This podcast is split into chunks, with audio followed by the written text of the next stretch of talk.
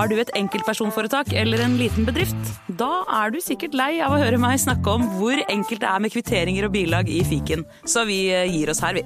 Fordi vi liker enkelt. Fiken superenkelt regnskap. Nyt sommerferien på Prime. I'm here to show you a wonderful place. Had a rough week. Opplev spennende turer. Så kan dette bli veldig farlig. Finn sommerkjærligheten. You're like a Coachella. Hi. Hi. Se på Fallout, Furia eller The Idea of You. Og gjør deg klar for en sommer full av eventyr. Bare på Prime. Krever abonnement på Prime Video. Velkommen til Kjemperådet! Vi har fått inn et kjempeproblem her. Jeg leser. Jeg er på ferie med familien. Det er gøy, bortsett fra at jeg har gips på begge beina. Kan ikke bade eller dra noe sted. Jeg føler meg veldig begrenset. Hilsen begrenset far. Begrenset far trenger ubegrensethet. Yes. Ja, Kanskje ubegrenset data fra 399 med familierabatt hos Telenor? Ja, det løser jo alt! Bortsett fra det med badingen, da. Se nye mobilabonnement på telenor.no. Yes!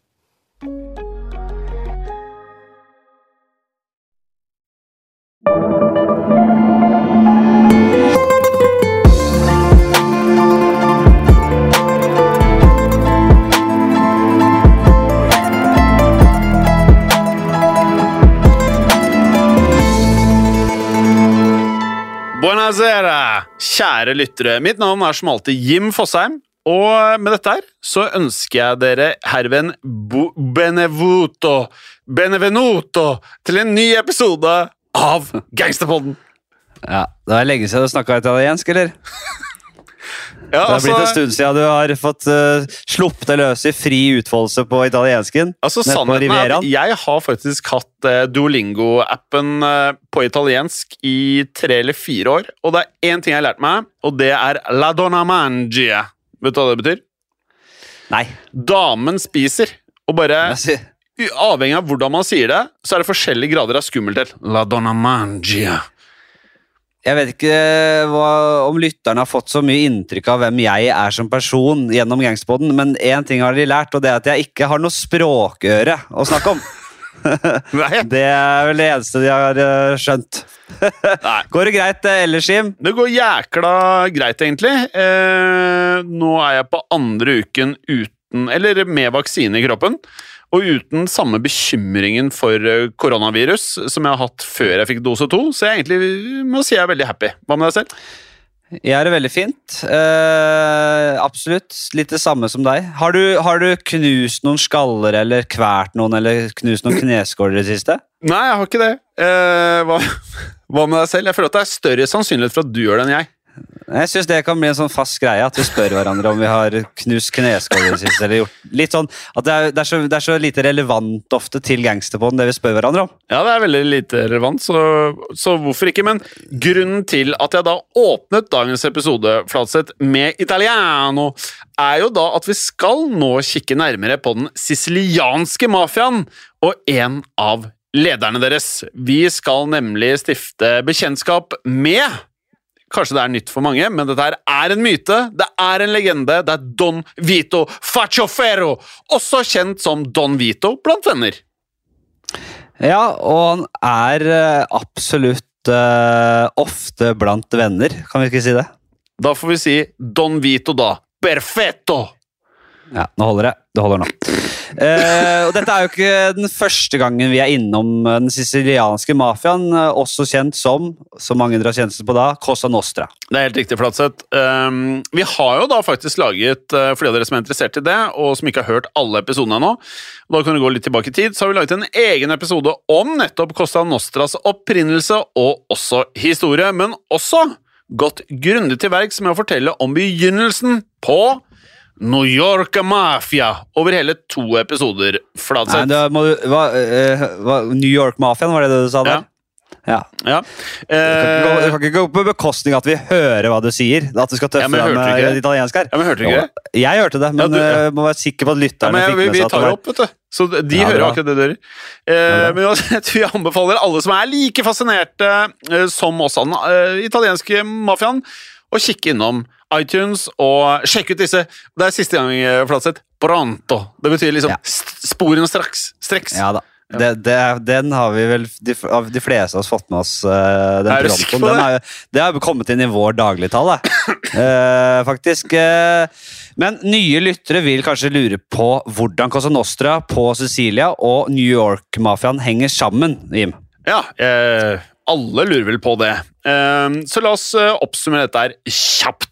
På slutten av 1800-tallet så utvandret, og det har vi gått gjennom mange episoder, massevis av italienere fra nettopp Italia selvfølgelig, over til mulighetens land, United States of America. Og bare mellom året, årene 1890 og 1900 så reiste det omkring 650 000 italienske innvandrere over til USA. Ja, og En stor del av disse kom da fra fattige landsbyer. De var, jævla fattige, vet du. De kom fra fattige landsbyer i Sør-Italia, eh, inkludert nettopp Sicilia. Eh, og mange fattige bønder de søkte jo etter et bedre liv. Dette gjorde folk fra hele verden. ikke sant? Søkte om et bedre liv, søkte søke lykken.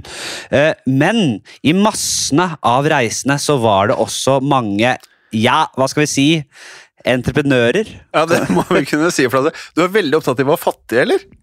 Ja, men det er vi jo alltid. Vi er så glade. Og det er så sjelden Jeg gleder meg til vi skal øh, snakke om en dritrik, bortskjemt øh, type som ble gangster. Men Ja, det har vi ikke. Det har vi, det, vi har til gode. Vi har det til gode. ja, vi har det til gode, faktisk. Eh, og disse entreprenørene som du da refererer til eh, som eh, Flatseth, så mener vi da egentlig mafiamedlemmer.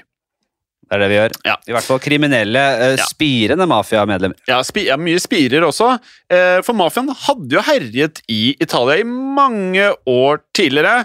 Eh, og nå hadde de da også fått flere familier, som det het da. Og muligheten for å da videreføre denne virksomheten og videreføre samme type system som man hadde i Italia, til Amerikas forente stater, den var jo nå til stede. Ekspandere virksomheten og diversiere porteføljen sin, rett og slett. Ja, det var fancy, selvfølgelig, men eh, det er akkurat det det er. Eh, og siden det var eh, såpass mange italienere som dro over, så sier det seg jo nesten selv at det vokste jo frem egne samfunn, som du har referert til mange ganger i podkasten, Flatseth, disse Little Italys. Eh, og dette var jo gjerne i de største amerikanske byene at dette her skjedde. Og det, og det det forårsaket, var jo rett og slett at det var enkelt. Det ble, ble dagligdags at man eh, ferdes blant andre italienere, og det ble da enkelt for mafiaen å sette i gang med mye av de virksomhetene de da faktisk ønsket, eh, og implementere de strukturene som da eksisterte i Italia, som nå rett og slett bare blir gjort på samme måte, bare i et annet land. Ja, øh, og den sicilianske mafiaen var jo godt øh, representert i New York. øh, Og i- den episoden om New York-mafiaens begynnelse så fortalte vi historien om den, husker jeg veldig godt i hvert fall, hvordan da denne Joe Masseria øh, og Morello-familien og, og de andre gangsterne tok kontroll, hvordan ulike grupper havnet i konflikt med hverandre og kriget seg imellom, og denne krigføringen som øh, tok livet av mange og skapte mye ugagn, den tok slutt i 1931, da mafiaen ble enige om å danne et sånn felles krimsyndikat, som du er så glad i å si, Jim. Eh, og, og så med dette så kom da systemet med disse fem familiene som samarbeider, Uh, og alt er, kan vi egentlig takke legenden Lucky Luciano for. Ja, tror du det er lyttere nå som tror at dette her bare var den gang, at det ikke eksisterer i dag, uh, Flatseth? Nei, det tror jeg ikke. Og så du tror alle lytterne tror at det eksisterer i dag, de fem familiene?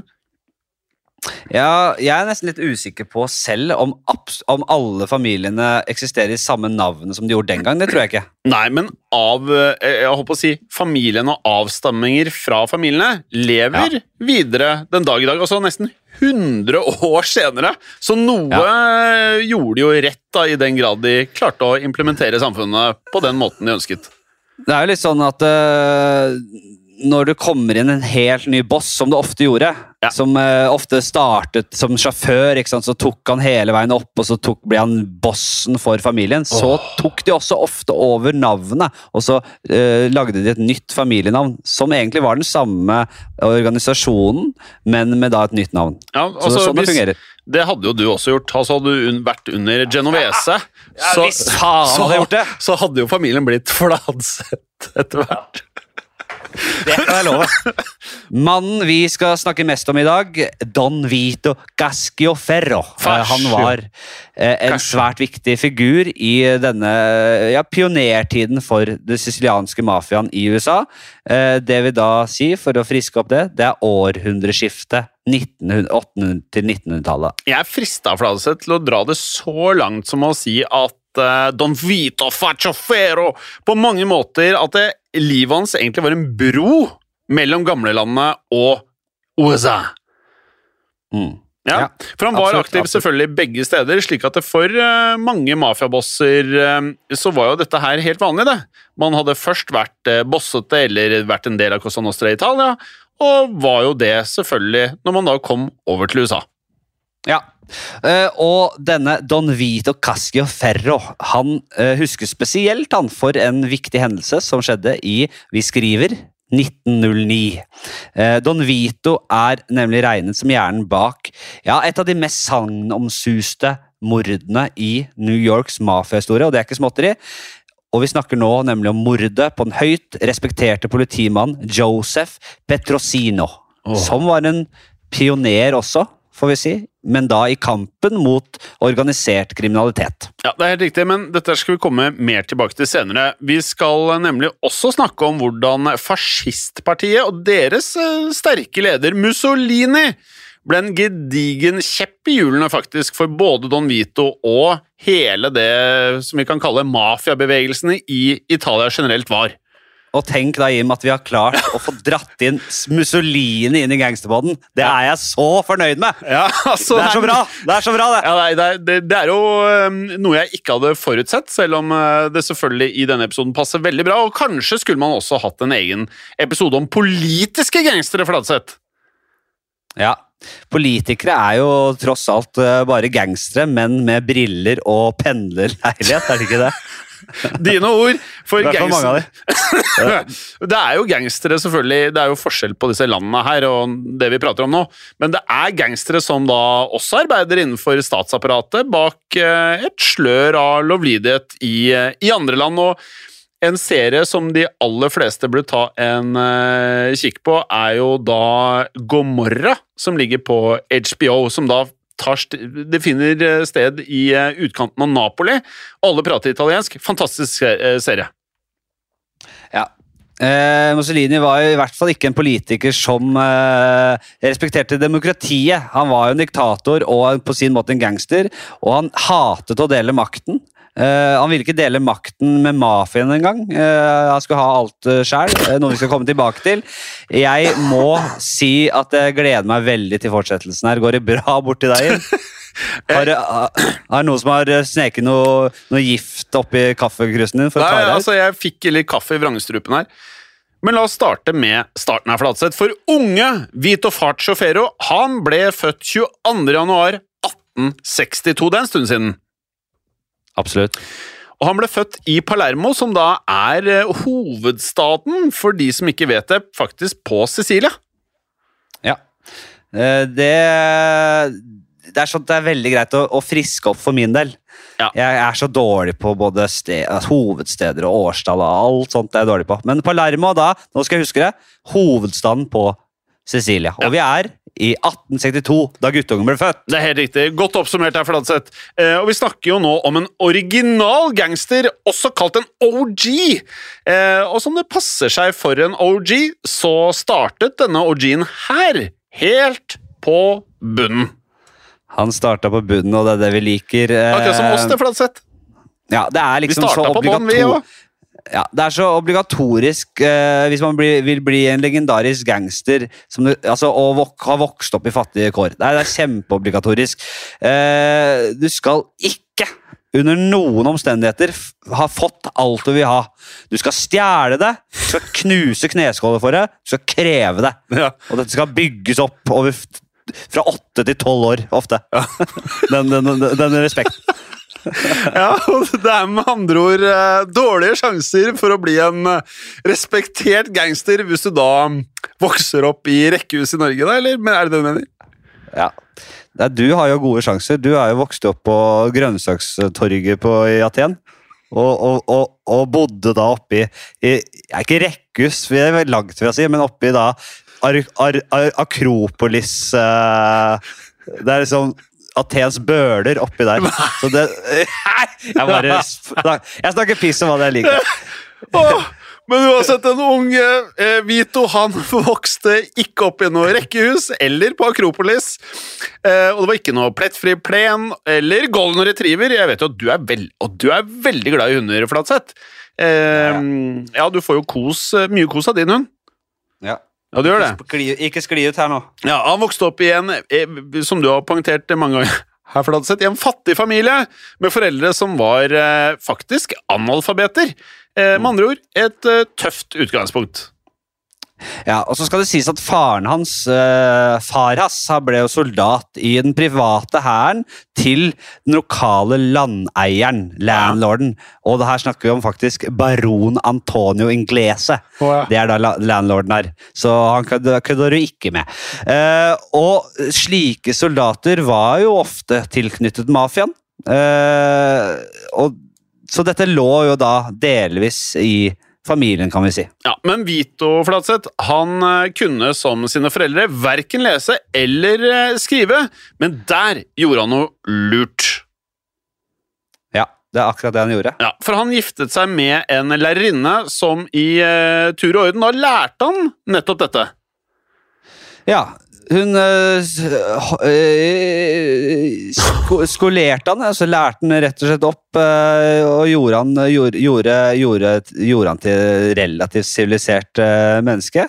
Og han hadde noe under topplokket oppi pappen, denne unge Ja, Vito. hadde- Og, ja, det viser det, og i løpet av 20-årene så ble han da innviet i mafiaen. Mm. Eh, vites ikke om dette var helt frivillig eller ei, men jeg vil tro at det var, eller jeg vet at det var jo for mange øh, forbundet med en viss status å være med der. Eh, det var i hvert fall bedre enn å loke rundt og surre i åkeren hele dagen og svette for eh, en tilnærmet null kroner, eller hva som var valutaen eh, der borte på den tida. Hva med Det kan ikke ha vært pasta, Flatseth? Nei, ne, Jim, nå, dette gidder vi ikke. Det var ikke pasta, Nei, og ikke pasta. vi kan, vi, jeg vet ikke hva som var valutaen der, men det, det var noen greier, det skjønner dere. Dere skjønner greia. En av Vitos første oppgaver i mafiaen, det var å hente inn eh, såkalte beskyttelsespenger fra diverse lokale bedrifter og personer, dette kjenner vi jo godt til, eh, og her måtte man være tøff og kompromissløs for å, for å få den respekten eh, man trengte, og det var jo tydeligvis Vito. For det tok ikke lang tid før han gikk eh, gradene, før han gikk videre til mer aktiv kriminalitet, kan vi si. Ja, Han eh, fortsatte sin kriminelle løpebane ved å stå bak bl.a. overfall, utpressing og også mordbrann, eh, Flatseth. Han var også innblandet i eh, ulovlig emigrasjonsnettverk, da, som rett og slett hjalp italienere med å forlate Italia, og antageligvis da så satt han igjen med en klekkelig sum med penger for at de da kunne komme seg over, eller mest sannsynlig over til USA, vil jeg anta i de fleste tilfeller. Ja, og sånn holdt han på og herja og styrte til han til slutt da havnet eh, rett i buret, i fengsel, rett og slett. Ja, og da var ikke, Det var ikke en hvilken som helst eh, ugjerning da, eller? Nei, det var ikke. Det, da skulle han inn på Altså, han Dette var en god gammeldags kidnapping av ei prinsesse. Altså, eller en baronesse, da, for å være korrekt. det er første gang i Gangsterboden vi har hørt om, eller? Ja, Uh, I 1898 så kidnappet han den 19 år gamle baronessen Clorinda Petrelli di Valpotrossa. Og uh, det fikk han faktisk bare tre år fengsel for. Ja. Eh, og etter å ha fullført eh, soningen var eh, Vito lei av Italia. Han ønsket seg ut av landet, og han ønsket seg bort til USA. Han hadde da en søster faktisk som var i New York, og som han da kunne bo hos. Og det skortet da ikke på muligheter for, for denne unge eh, dette unge mafiatalentet, må vi kunne si, i storbyen. Eh, og Han ankom New York i september 1901, men det skulle ikke ta lang tid før han da havnet i politiets søkelys. For allerede i mai året etter, altså da vi kom til 1902, så ble han arrestert. Ja, og det var ikke småsaker, dette, for det var Secret Service som sto bak denne arrestasjonen, og da vet vi at det er alvor. Eh, og De tauet da Invito sammen med en gjeng kalt Clemente Frauto, og anklaget dem for å stå bak omfattende pengeforfalskning. Eh, og det hata myndighetene. Da var det Secret, da var det Secret Service, eh, med en gang. Dette liker de ikke. Det vet vi. Eh, det som var eh, greia, da, de drev en fabrikk hvor de laget egne mynter. Og Det har vi også vært innom tidligere. Eh, og det- er litt av en business, business vet vi. Flere i denne gjengen ble tiltalt og dømt, men Vito han kom seg unna. han. Det var ingen som av vitnene, og det vet vi også, det er sånn det er hver gang. Det var ingen av vitnene som turte eh, å, å, oute han, rett og slett. De, de sa i hvert fall at de ikke kjente han igjen. Det er jo spekulasjoner, dette her. Men uh, han fabrikkerte nå en historie om at han jobbet på en papirmølle, og dette skulle ikke heller bli da siste gang Vito dro seg unna uh, politiet, Jim. Nei. Men eh, en ting jeg ønsker å legge til, eh, er at eh, i moderne Altså i RICO investigation, altså når myndighetene da er ute etter disse her kriminelle gjengene, så har man egne lover som da rett og slett eh, er appliserbare til den måten de jobber på. Og da fikk man jo også dette Witness Protection Program, som var en av grunnene til at flere og flere begynte å tyste, fordi man da som tyster kunne nå begynne å tenke seg til at man ikke eh, risikerte livet, at mafiaen aldri ville finne deg igjen. På denne tiden så var det ikke noe Witness Protection Program, det var ikke noe Rico Investigation, det var ikke noen måte å tyste vitne eller noe som helst uten at du satt deg selv i fare. Og det er også grunnen til at lojalitet på denne tiden også, i stort sett alle disse episodene, er veldig fremtredende, og at det med tiden har blitt eh, mer og mer tysting, da. Eh, og, og så kan vi si at eh, ellers da, i sin tid i New York så drev Vito med eh, ja, ikke helt ulikt eh, det gudfaren eh, drev med. Han drev med oljeimport, angivelig, eh, i Gudfaren eh, 2. Eh, Vito han drev med frukt- og varehandel, inkludert rødvin, som han da importerte fra gamlelandet. Akkurat på samme måte som Don Vito Corleone. Så han er en driftig fyr. Men det var verken eh, saftige appelsiner og druer eller eh, overprisede italienske viner som sørget for navnet. Eh, for det kjente navnet Vito Cascio Ferro. Eh, vi har jo allerede nevnt at han sto bak drapet på denne kjente mafiajegeren Petrostino. Men seks år tidligere, i 1903, så skjedde det et annet legendarisk mord, nemlig The Barrel Murder. Tønnemordet. Ja, og tønnemordet det høres jo ikke veldig skummelt ut, eh, Fladseth, men the barrel murder, det er verre. Det er verre, ja. Det er verre. For eh, Vito sine ja, mildt sagt lyssky aktiviteter, eh, også da det nære vennskap til andre mafiafolk, gjorde at politiet de kunne jo da koble Vito til nettopp the barrel murder. Ja, Tønnemordet, hva eh, hva, hva er det for noe, Jim? Jo, nå skal vi høre. For i morgentimene den 14. april 1903 ble det gjort en eh, mildt sagt uhyggelig oppdagelse. For eh, eh, på en eh, forlatt råtten kai i Manhattan så var det en gammel tønne fylt med sukker. Som da inneholdt noe annet enn bare noe som var søtt. For i denne tønnen så lå det nemlig et lik, hvor man da tydelig så spor av at eh, det var en mann som hadde blitt torturert, drept og rett og slett bare stappet Altså, man hadde bare tatt alt av kropp og kjøtt og bein og dyttet nedi den tønna. Som er sild. Som ei sild, ja. Som ei daud sild, vil jeg si. Men eh, det stoppet ikke der. Mannen hadde hele 18 knivstikk i eh, nakken. Og det er jo litt Flatseth selv i gangsterpodden å være. Ja, da har, du, da, har, du- da har du vært en hissig kar på deg, ass. Ja, det, Når du har 18 stikk i nakken, da er det noen som uh, liker å stikke. ja, det er nettopp det. Og um, han hadde også fått halsen skåret over fra Hør på det her! Fra øre til øre! Altså, Det er jo ikke langt unna å rett og slett bli uh, halshugget, egentlig. Nei, da, er, du- da, skal du, da skal du vite at eh, en person er død når du stikker vedkommende 18 15 ganger i nakken, og så tar du den derre eh, eh, Så tar du strupen eh, bare for å forsikre om at han er der, liksom. Ja. Det, er, det, er, det, er, det grisete greier. Det er ja, grisete, ja. Og som mye av denne natur, så ble dette her slått stort opp i mediene, og det ble da en massiv jakt på morderne. Men det var ingen som kunne identifisere offeret. Men det var en papirlapp i lommen hans som da tydet på at eh, han var blitt bedt om å ta seg til et sted. Eh, så her lukter det god gammeldags eh, felle, tenker jeg. Ja, Så det lå da en lapp i lomma hans med en ordre om å komme til et sted. Så han var satt opp i en felle, og, det tok jo da ikke lang tid før politiet ante mistanke mot, eh, mot italienerne. Nei, for eh, lappen i lommen på offeret var eh, selvfølgelig skrevet på italiano. Offeret virket å være ja, velhavende med fine klær og velstelte negler, må vi kunne si, og etterforskningen den sirklet derfor fort inn på en helt spesiell gjeng. Og Secret Service-agenter de meldte at de mente å ha sett offeret sammen med folk fra den nevnte Morello-gjengen. Ja, og der har vi Morello-gjengen igjen. Vi Ja. vet at de var, de var store, de var, de var storkarer. Ja, Som eh, du nevnte tidligere, vi har jo pratet om de tidligere, og de var som kjent den eh, dominerende mafiafamilien på dette tidspunktet i New York, ledet av Giuseppe Joseph Morello, altså mannen med tilnavnet Boss of Bosses. Og det, det var jo han med kloa, hvis dere husker han. Som hadde da en slags klo som arm, som Ja, han klo. hadde i et, fa som et lite fatle fra et sånn kjede hengende rundt halsen. Det var et en gammelt uh, variant av et fatle, da. Men han hadde da denne kloa i et sånt slags fatlekjede rundt Ja, dere husker det vel?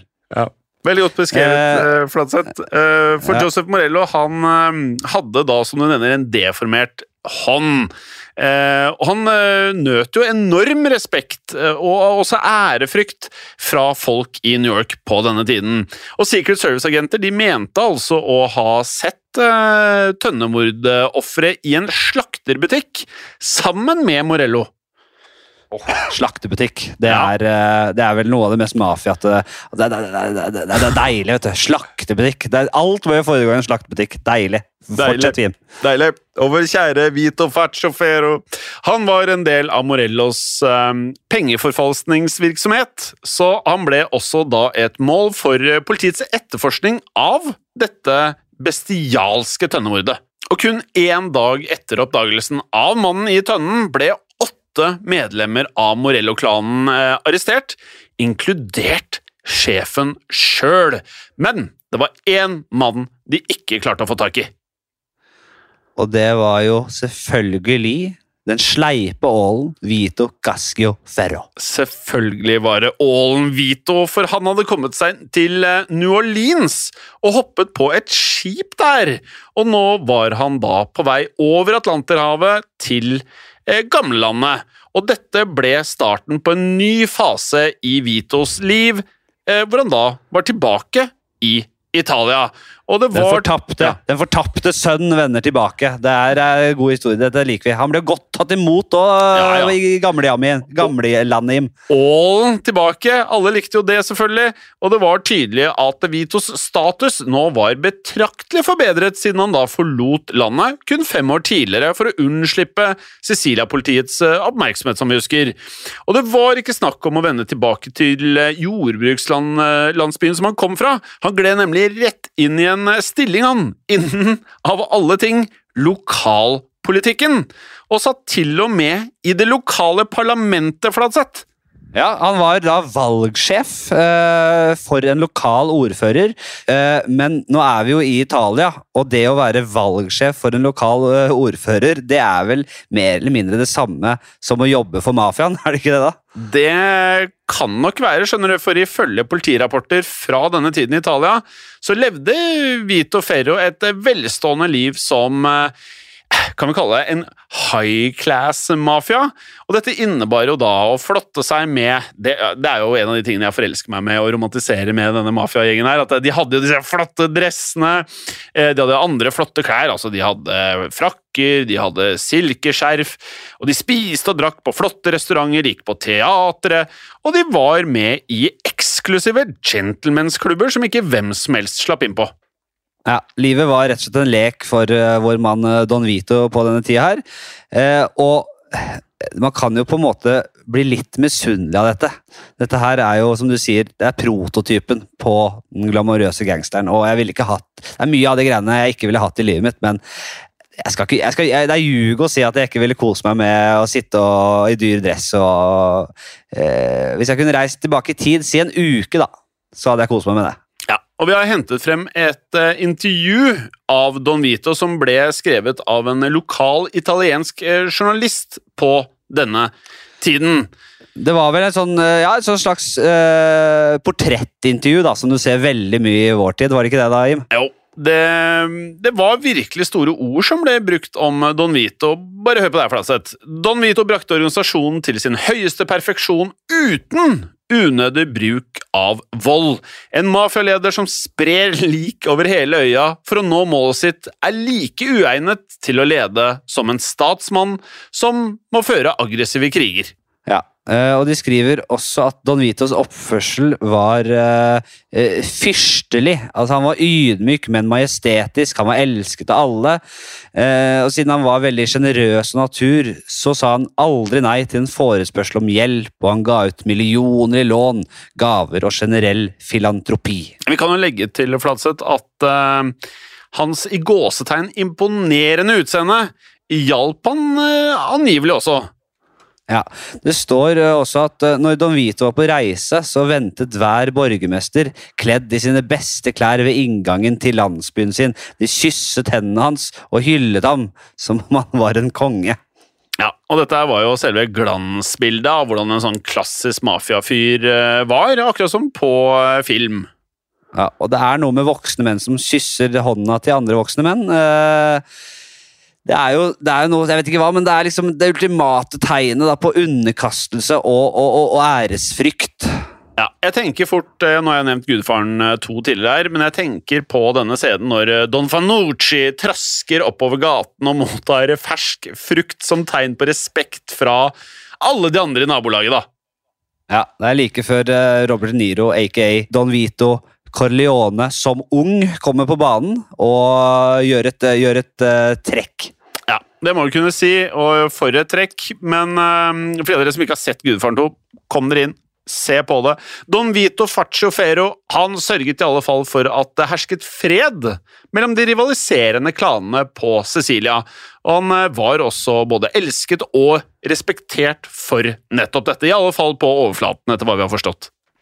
Ja, for selv om Don Vito dro på teater og nippa vin og spiste kirsebær med de store, så var han absolutt ikke ferdig med drap og jævelskap. Vi skal Nei, nei, nei. bevege oss over nå til et mord som skapte stor oppstandelse eh, helt tilbake til New York, eh, byen eh, Don Vito da hadde forlatt eh, noen år eh, tidligere. Ja, for i 1909 kom den profilerte politimannen Joseph Petrosino til Sicilia, hvor Don Vito nå var en slags eh, ukronet konge, må vi kunne si. da. Og Petrosino han var jo kjent for sine modige etterforskninger av mafiaen i New York, eh, og var eh, på sett og vis sett på som en stjerne innenfor New York-politiet. Og blant Don Vito og hans kolleger var han eh, mildt sagt eh, upopulær, forståelig nok. Ja, og Don Vito og han Joseph Petrosino de hadde jo en fortid sammen, for å si det sånn. da, Jim. Ja, Mildt sagt for Petrosino, han var som eh, sagt dreven på å jage ned mafiaen. Og han hadde vært ute etter Don Vito i mange år, helt fra han opererte i New York. Ja, ja, Vi må stoppe litt opp for å, å, å utdype hvem denne Joseph Petrosino var. Vi har ikke, vi har ikke nok på han. eh, Vi har ikke nok på han. Ja, for det er en ganske interessant greie dette med Petrosino. For Petrosino var, som etternavnet avslører, selv av italiensk avstamning. Eh, og han ble født i Campania-regionen i Sør-Italia, men også han emigrerte til USA, hvor han da utdannet seg til politi. Og han var faktisk den aller første italiensktalende politimannen i NYPD, altså New York Police Department. Ja. Driver du og hakker er- ja, mat, eller? ja, det er min samboer som driver og er nødt til å lage noe mat rett bak meg her, fordi av og til er man sulten, og av og til er å få i seg næring litt viktigere enn en gammel Gangsterpodden-episode. Det Ja. håper jeg alle der ute har uh, forståelse for. Og, og, og dette med at han lærte seg Eller at en italiener ble, var inne i politikorpset, det var jo åpenbart til stor hjelp for politiet. Uh, fordi nå kunne jo Petrosino lettere skape tillit eh, og kommunikasjon mellom de italienske miljøene i byen. Uh, og derfor så var jo han en han ble jo en stor stjerne, en stor ressurs for politiet, åpenbart. Og en mann da som kunne løse sakene som de andre ikke var i stand til. Ja, og du vet, Noen ganger når du står ved siden av mennesker, eh, Fladseth, så du ser av fysiske årsaker ned på folk, du, Fladseth. Ja, jeg gjør alltid det. Jeg aner jo ikke hvor, uh, hvor høye folk er. Så alt nedi 1,80 og under, 1,85 og under, er bare Det er nedi der, tenker jeg. Ja, for jeg er 1,86, og jeg merker at jeg må skotte blikket noe opp for å se deg, på en måte. For meg er du lav. Altså bare en av, en av gjengen. En av mengden nedi, Ja, nedi. men han her, Fladseth, hva vil du kalle Joe? For han var faktisk 1,60 meter høy, og var eh, derfor egentlig for lav til å være med i politiet. Men han, hadde jo nesten ikke Han kunne du bare ramla over, du. Ja, han hadde jeg sett på som like høy som deg. Nei, Som jeg kutt ut, da! Jo, Jeg er er 26 greia. cm høyere nå. Samme nedi der. Nedi greiene nedi der. Men det kan, Eh, det, kan, men- det, kan, det kan legge til, for han var for lav, som jeg nevnte, for å være med i politiet. Men han hadde jo da kontakter, som benyttet seg litt av denne her eh, connexioni. Ja, for selv om han var lav, så steg han faktisk. Han steg fort i gradene. Ja, og I 1908 så ble han utnevnt til sjef for en elitegruppe kalt Italian Squad. Squad. jeg liker, jeg liker det! Og, og vi skjønner jo hva, hva det gikk i, for de skulle da gå til angrep på mafiavirksomheten i, i byen. Ja, Med andre ord så um, var det slik at Petrosine han eh, gjorde seg til fienden blant sitt eget folk. Men det skal også sies at det var mange italiensk-amerikanere som støttet Petrosino, fordi de opplevde at mafiaen rett og slett ødela ryktet til alle de lovlydige, hardtarbeidende italienerne som det var flere av også. Ja, og det har vi også snakket om før, at det, det var ikke sånn at alle italienere der var, eh, var mafia. De hata jo mafiaen, fordi de altså de, de, de, de, ødela, ødela, de ødela jo både forretninger og hjemmene til folk, og, li, og skapte frykt. og Det var veldig mange som, eh, som, som var, var, motstandere av mafiaen, ja. Så du prøver Eh, å si som at en- ikke alle var entreprenører? Ja, det er det jeg sier. Og som en del av etterforskningen sin så dro Petrosino til ja, altså, Og vi er fortsatt i 1909. Han dro på en hemmelig reise til Sicilia. Og med eh, seg så hadde han en liste over mafiafolk.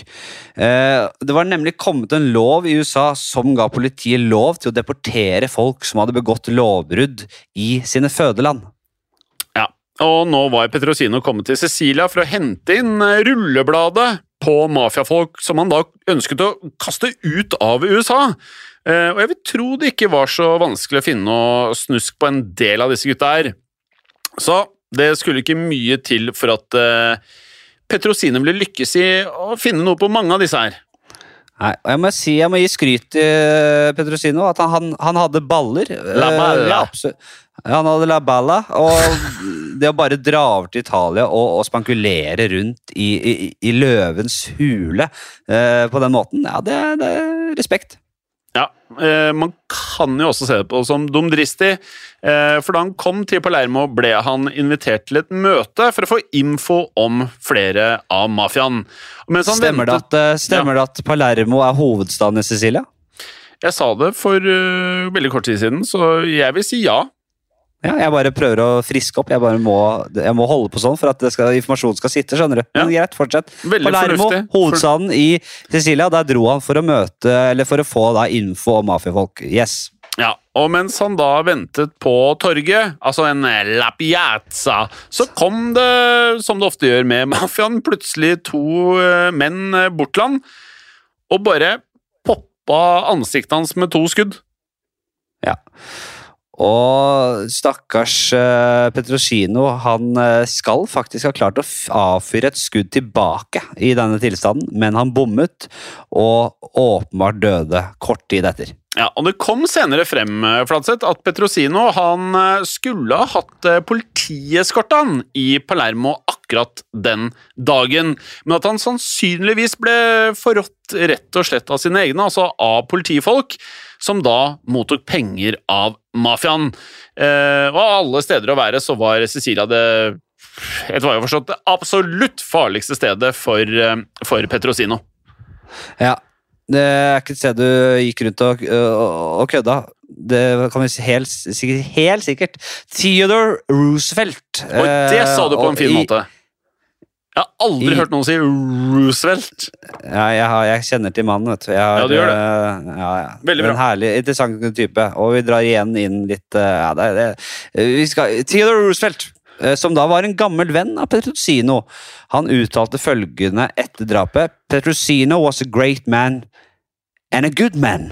Oh. I knew him for years, and he did not know the name of fear. Ok, så en stor mann, denne Petrosino, med andre ord. Absolutt. Etter hva vi har forstått, Flatseth, så husket han, frem, han huskes fremdeles som en av de aller første som eh, faktisk turte å ta opp kampen med organisert kriminalitet, eh, og er ansett av flere som mer eller mindre en helt, faktisk. Ja, og det er også laget uh, flere filmer om, o- om livet hans. Ja. Uh, en artig trivia, faktisk, er at han ble gravlagt på samme kirkegård som flere av fiendene hans. For vi må jo da erkjenne at Petrosino han var hatet av eh, de fleste i mafiaen, men politiet de sirklet seg fort inn på hans eh, gamle fiender i Morello-gjengen i New York, inkludert Cecilia-bossen som de samarbeidet med, nemlig vår kjære Don Vito Faccio Fero. Og Don Vito han ble ganske kjapt arrestert og også avhørt, men eh, klarte å fiske frem et noenlunde godt alibi. Eh, politiet hadde da lite å gå etter, og det var vanskelig da å kunne klare å bygge en solid sak mot Don Vito. Ja, og det er mange myter og usikkerheter rundt Don Vito og hva han skal ha sagt om Petrosino-mordet. Eh, noen hevder at han skal ha tilstått eh, flere år etter Jim. Ja, Ifølge en kilde skal Don Vito ha sagt at han anså Petrosino som en eh, verdig motstander, og ikke en fiende, faktisk, og at Petrosino fortjente bedre enn å bli drept av enn det han refererte til som en simpel leiemorder. Ja, og Uansett hva som eh, ble sagt, så klarte politiet aldri å bevise at Vito Cascio Ferro hadde bestilt uh, dette mordet, selv om det meste tyder på dette. Så mordet eh, på den kjente mafiajegeren Petrosino det ble, forblø, forble, det ble uløst. Forble uløst.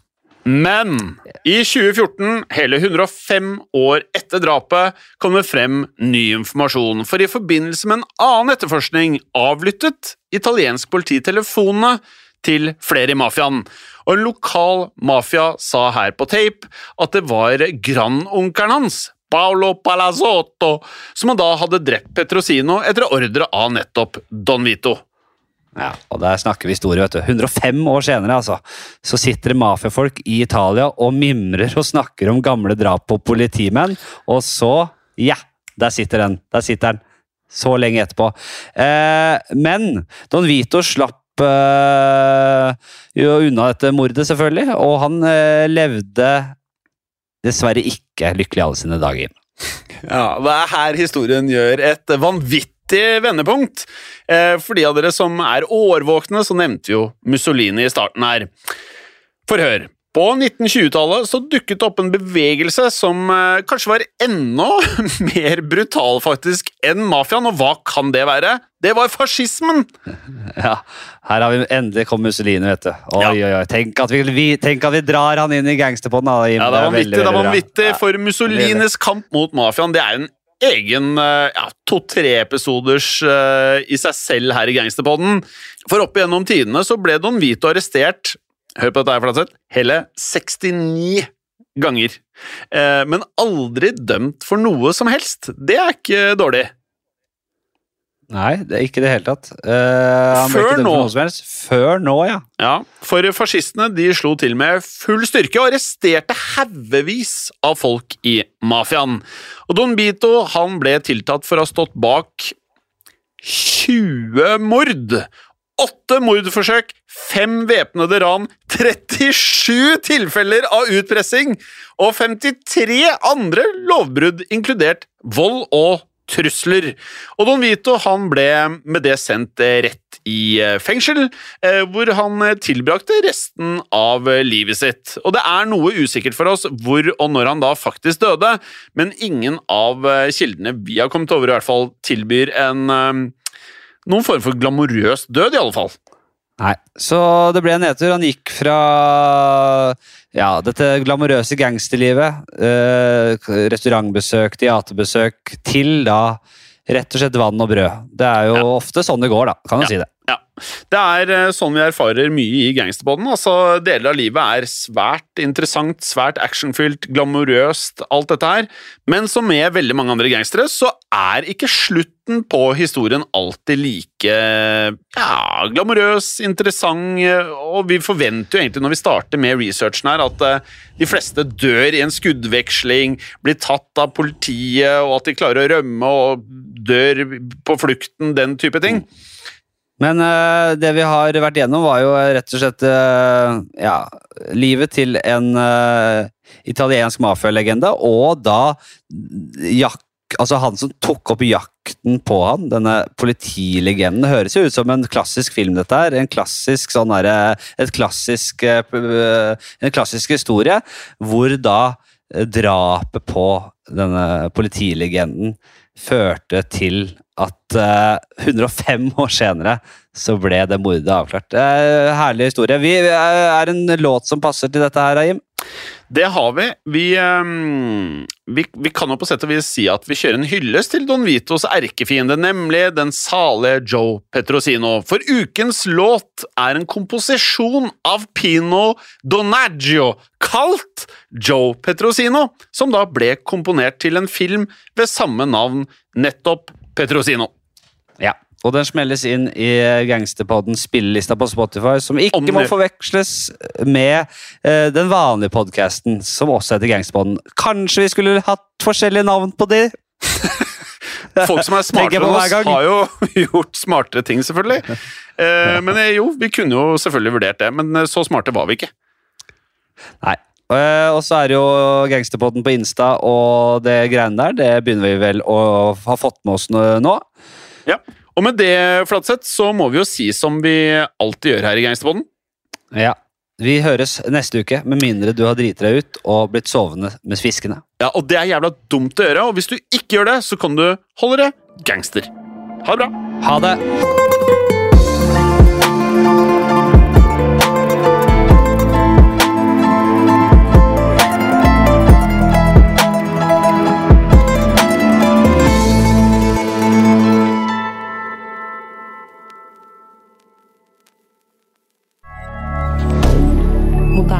Media. Kan kundene dine betale slik de ønsker?